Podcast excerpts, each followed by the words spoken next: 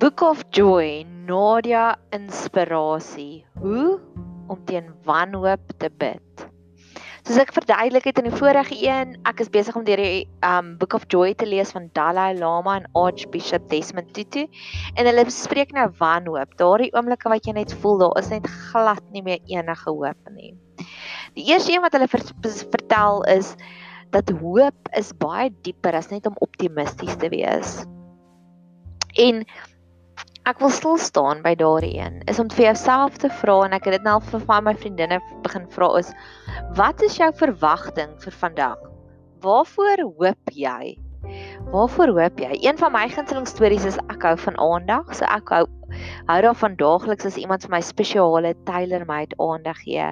En die tweede een is ek hoop vir avonture. Ek love dit as God my vat op eie unieke avonture. So waarvoor hoop jy daagliks? Mag jy asseblief net stil raak en vir jouself vra waarvoor hoop jy vandag? Nou onlangs het ons so 'n bietjie kragprobleme gehad en een van my vriendinne het vir my boodskap gestuur. Ek hoop ons krag kom vinnig aan. En dit het my laat stil staan om te sê, "Wow, as ons hoop ons krag kom vinnig aan, waarvoor nog hoop jy?" En mag ons daardie vaste vertroue in God kry. En ons gaan nou lank gesels oor 'n vaste vertroue in God. Want dis die ander punt van hoop. Dis 'n vaste vertroue in God wat ons kry. Een van die voorbeelde is my foon het nou onlangs besluit hy het iewers vog ingekry en ek het al van tevore soveel positiewe resultate gehad om die foon in reis te laat lê dat ek weet die reis gaan hom gesond maak. Mag ons daardie tipe van vaste vertroue in God kry om te weet net soos ek weet die reis gaan my foon gesond maak, mag ons ook so weet dat God sal ons ook so gesond kan maak of my laptop wat hang, ek het 'n bietjie tegnologiese probleme. Dalk moet ek dit salf. Maar in elk geval die ander ding is as ek baie keer YouTube video's kyk op my laptop dan hang hy. En die eerste paar keer het my effens bang gemaak, maar nou weet ek, okay, hol net hol net die die um battery uit, laat hy reboot en dan sal hy weer perfek werk. En nou weet ek al as ek wil gaga vinnig na 'n video kyk en um en vanoggend het dit gebeur dat my foon is in die reis. so toe moes ek of nie moes nie, ek wou gaga ietsie gekyk het het um op die laptop het ek alles klaar gaan save. So selfs al hang hy nou maar is dit dan nie ook die einde van die wêreld nie. So mag ons daagliks vir onsself vra waarvoor hoop ons? En dan die volgende ding wat hulle gesels oor, hulle analiseer regtig waar wanhoop en hulle sê daar's 'n verganklikheid van emosies wat aan die een kant staan van die binnenstuk en aan die ander kant is 'n vaste bevestiging, 'n vaste geloof in God.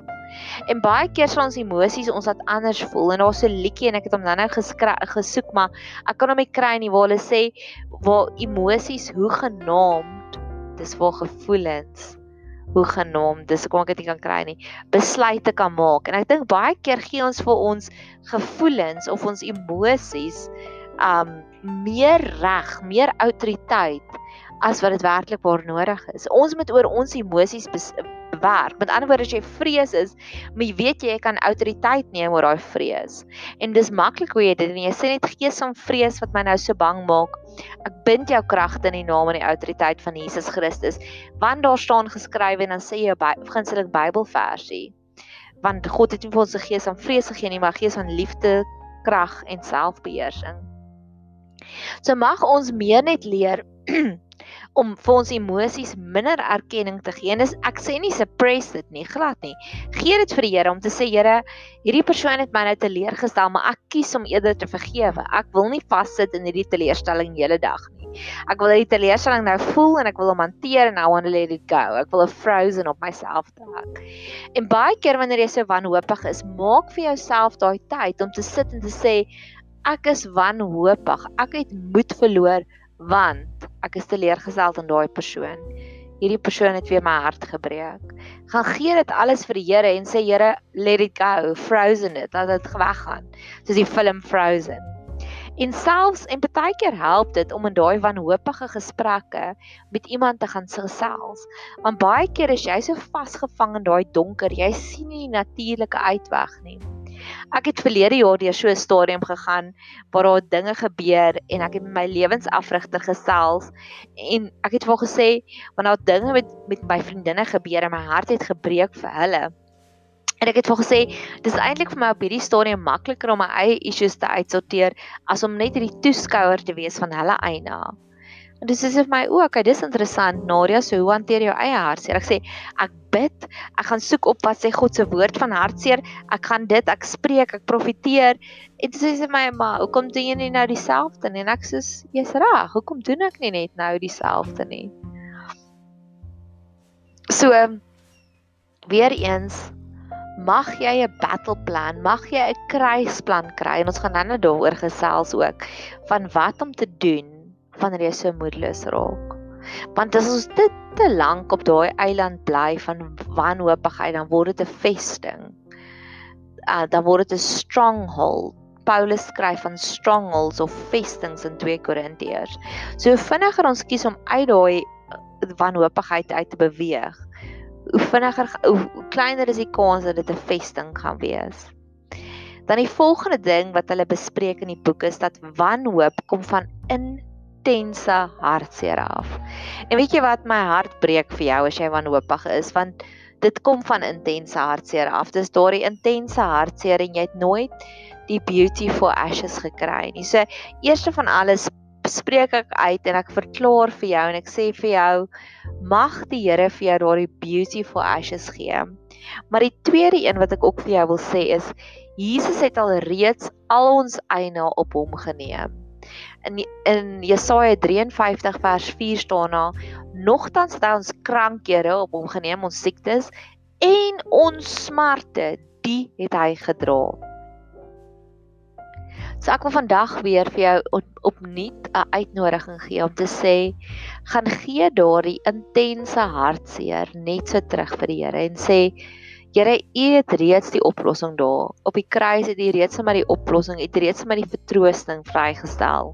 Ek wil soos 'n uitruil transaksie doen. Soos jy in 'n winkel instap, jy stap in met 'n leë 'n um, mandjie maar vol beursie en dan stap jy daar uit met 'n vol mandjie maar 'n leë beursie. sien dit dieselfde soos dit is dis daai uitruil transaksie om te sê hierso Here, daai geld in my beursie beteken vir my niks nie want ek het nou tomaties nodig. Ek het nou vertroosting nodig. Hierdie hartseer in my beursie beteken vir my niks. Ek wil dit net so vir u gee. En kan gee dit vir hom. En maniere hoe jy dit fisies vir hom kan gee, jy kan 'n ballon gaan koop, 'n helium ballon en hom laat opgaan in die hemel en sê, "Daar gee ek dit nou vir u en ek wag nou vir u om vir my daardie tomaties te gee," soos ons nou by die spar voorbeeld gebruik het. Unlearn wat hulle baie keer sê in die boek is dat om intense despair te hê is 'n sekere tipe van 'n 'n beskermingsmeganisme wat ons opbou. Ons sien nie meer uit nie en ek het dit al self ook beleef en ek het dit al keer op keer gesien ook hoe mense ook as hulle voor my kom sit by ons bediening en ek sê maar doen dit dan sal hulle sê dit help nie meer nie dit help nie meer nie. So jy gee amper op. Dis amper veiliger om in wanhoop te bly as wat dit net is om net nog 'n keer te probeer, om nog 'n keer daaroor te bid. En nou hoop ek ek kry dit want ek het 'n nota daarvan gemaak. Skus. Ek weet ek het 'n baie mooi Hmm. Aha. Ek het 'n baie mooi Instagram post gesien En dit wil ek ook vir die Here sê is as jy alreeds 'n defense meganisme het, is 'n muur wat jy omgebou het teen die intense hartseer. Mag die Here dit vir jou aanleer. Hier is 'n baie mooi Instagram post. It's not about learning to become something greater than you are. It is about unlearning.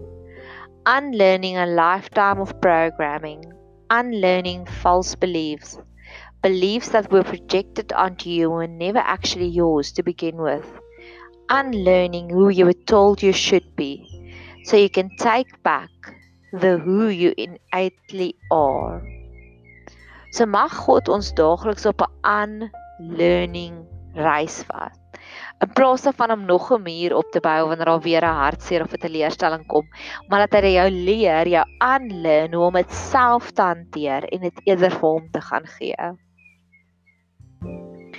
Die volgende ding, ek hoop nie jy hoor die voeltjie nie. Die voeltjie gee vir my kompetisie. Ek het al gesê ek wil 'n Shazam hê vir my vir voeltjie geluide want ek sal mos natuurlik nou love om te hoor wat 'n voeltjie is dit. Maar in elk geval, Die volgende ding wat hulle bespreek in the Book of Joy oor despair, oor wanhoop, is wat hulle sê om te onttrek uit 'n sekere situasie of om sinies te raak. Partykeer word dit makliker. In plaas daarvan om hierdie wond te hanteer, bou die mense nog 'n muur op van net sinies wees. So dalk ken jy iemand wat uitermate sinies is, wat alles afjak wat jy sê. As jy 'n oombliekie van hoop gee, dan sê hulle soos nee, maar dit gaan nie so wees nie. En daai dit wil ons ook nou kom surrender aan die Here want dit is 'n volgende simptoom van om 'n muur aan jou te bou, maar rondom jou te bou. So eers bou jy 'n muur, jy sluit al die positiewe goed uit en dan die volgende simptoom is jy raak sommer sinies. So selfs al sê vertel iemand vir die mooiste storie, jy jak dit af. En dalk is jy nie so nie, maar dalk ken jy iemand wat so is. Ek het jare terug iemand geken en ek het nogals geïdentifiseer dat die persoon se blydskapsvlakke is baie laag. En ek het vir 'n storie vertel van en dis een van my gunsteling stories van blydskap. Paulus was in die tronk in Marmertine prison. Was hy in die tronk in Rome? En dis waar hy baie van sy briewe vandaan geskryf het. Maar daardie tronke op daardie stadium het anders gewerk as ons tronke van vandag. Op daardie stadium was hulle vasgeketting, arms wyd, bene vasgeketting, so hulle kon nie rond beweeg nie. En die tronke was gebou reg onder die stad se rioolstelsel. So hulle het nie toilette gehad in elke huis nie.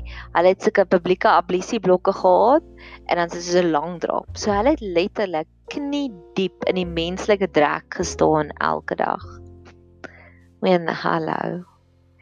En so het Paulus begin guns vind by die mense terwyl hulle in die menslike drek staan.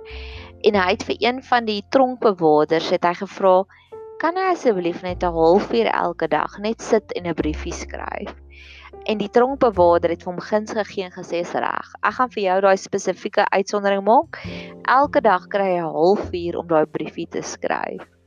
Nou pause en druk net op hierdie oomblik.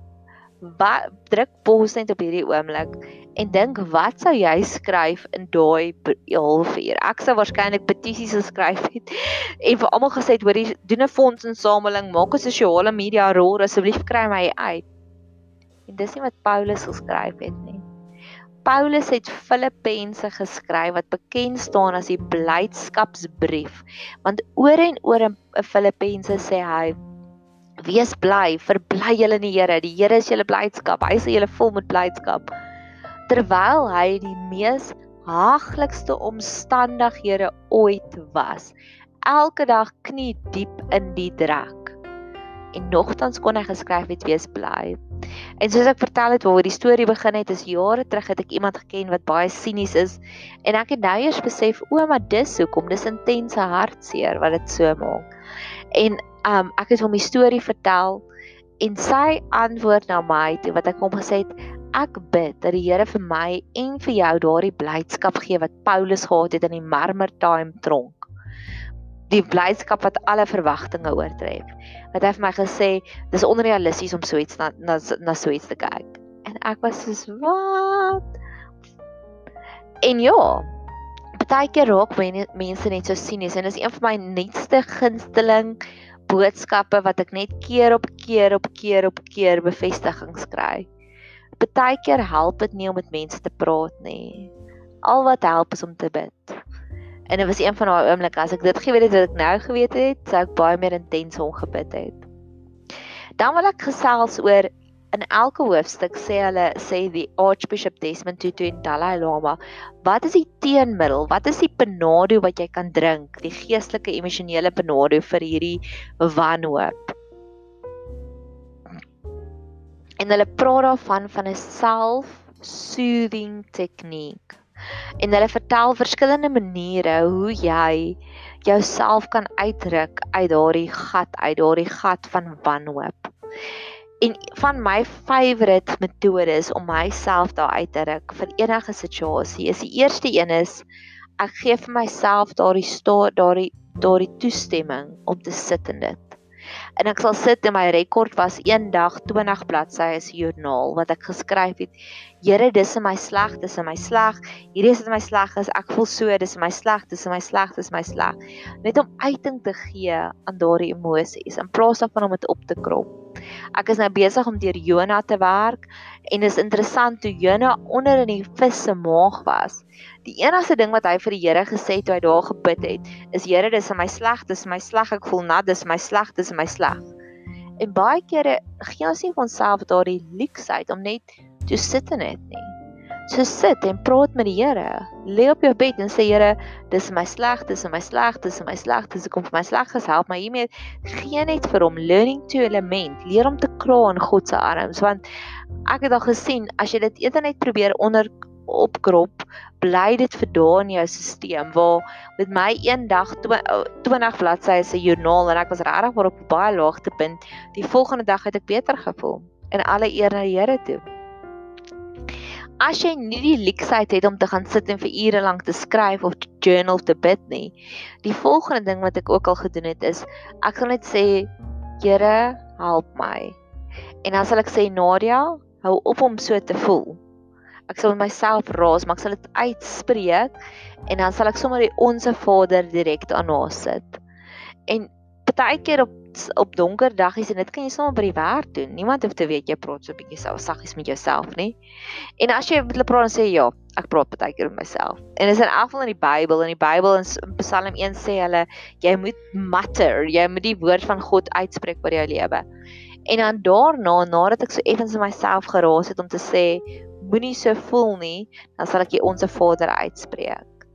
En selfs dan 'n paar kere laat as dit as ek weer so sleg begin voel, as ek weer begin bang word, as ek weer begin voel daar's nie hoop nie, dan sal ek dit weer sê, Nadia hou op om so te voel.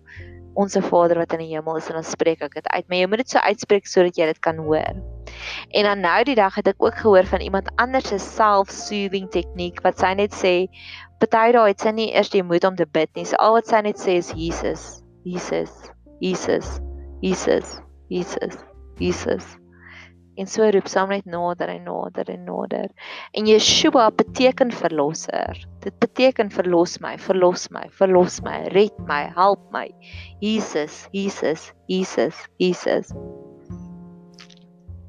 Ek glo groot gedeelte hoekom mense baie begin wanhoop voel is omdat hulle is te bang om kwesbaar te wees. En dalk is dit waar jy is. Jy het nie daai ruimte om kwesbaar te wees nie. So mag jy net meer en meer leer om kwesbaar te wees. Om te sê, weet jy wat, hierdie is regtig nou nie vir my lekker nie. Of weet jy wat, ek worry regtig hieroor. Want ons Suid-Afrikaners is so geneig om te sê, ag nee, wat ons kla nie. Dit help my nie ons kla nie. So mag ons net meer en meer leer, mag ons daai veilige plekkie kry, daai veilige groepie vriendinne by wie ons kan sê dis regtig waar vir my erg hierdie waar ek nou werk. En dan die laaste ding, daar's twee laaste punte wat hulle ook gesê het, is om te sê hierdie quote is my so mooi, to choose hope is to step step firmly forward into the holy wind, bearing one's chest to the elements, knowing that in time the storm will pass. Ek het baie keer ook al gesien as jy oorgee na God toe en jy werk, jy gee daar die wanhoop aan hom, ontwikkel hy in, jou hierdie inner sterkte. En ek het nou onlangs het ek gelees van in die Psalms is daar hierdie een Psalm wat sê Josef was in die in die in die boeye vasgevang toe hy um toe sy broers hom verkoop het aan die Egiptenare en hy was so lank in die boeye dat sy siel het self eister begin raak. Met ander woorde, sy siel het begin sterk raak. En ek dink baie kere deur elke despair, deur elke moeilikheid, maak God ons innerlik sterker. En ek wil afsluit. Hoop word gekweek deur die gemeenskap rondom jou. Mag jy 'n gemeenskap rondom jou hê wat regtig vir jou hoop kweek En een van my gunsteling nuwe verhale wat ek het is ons het verlede jaar saam met iemand gewerk wat deur 'n brein gewas gegaan het en ons het baie intens vir hom gebid en hy is geopereer en hy was hy het dit oorleef maar hy het verlang daarna kon hy nie praat nie en verlang daarna kon hy nie sluk nie en ons het deur dit ook gewerk. En verlede week was hy op die voorblad van 'n koerant omdat hy bou ou karre op en ry hulle en hy was op die voorblad van sy 1954 Chevy wat hy so mooi opgebou het. En dit gee vir my hoop want daardie voorblad foto's my bewys dat gebede word beantwoord. Mag jy 'n super geseënde dag hê verder.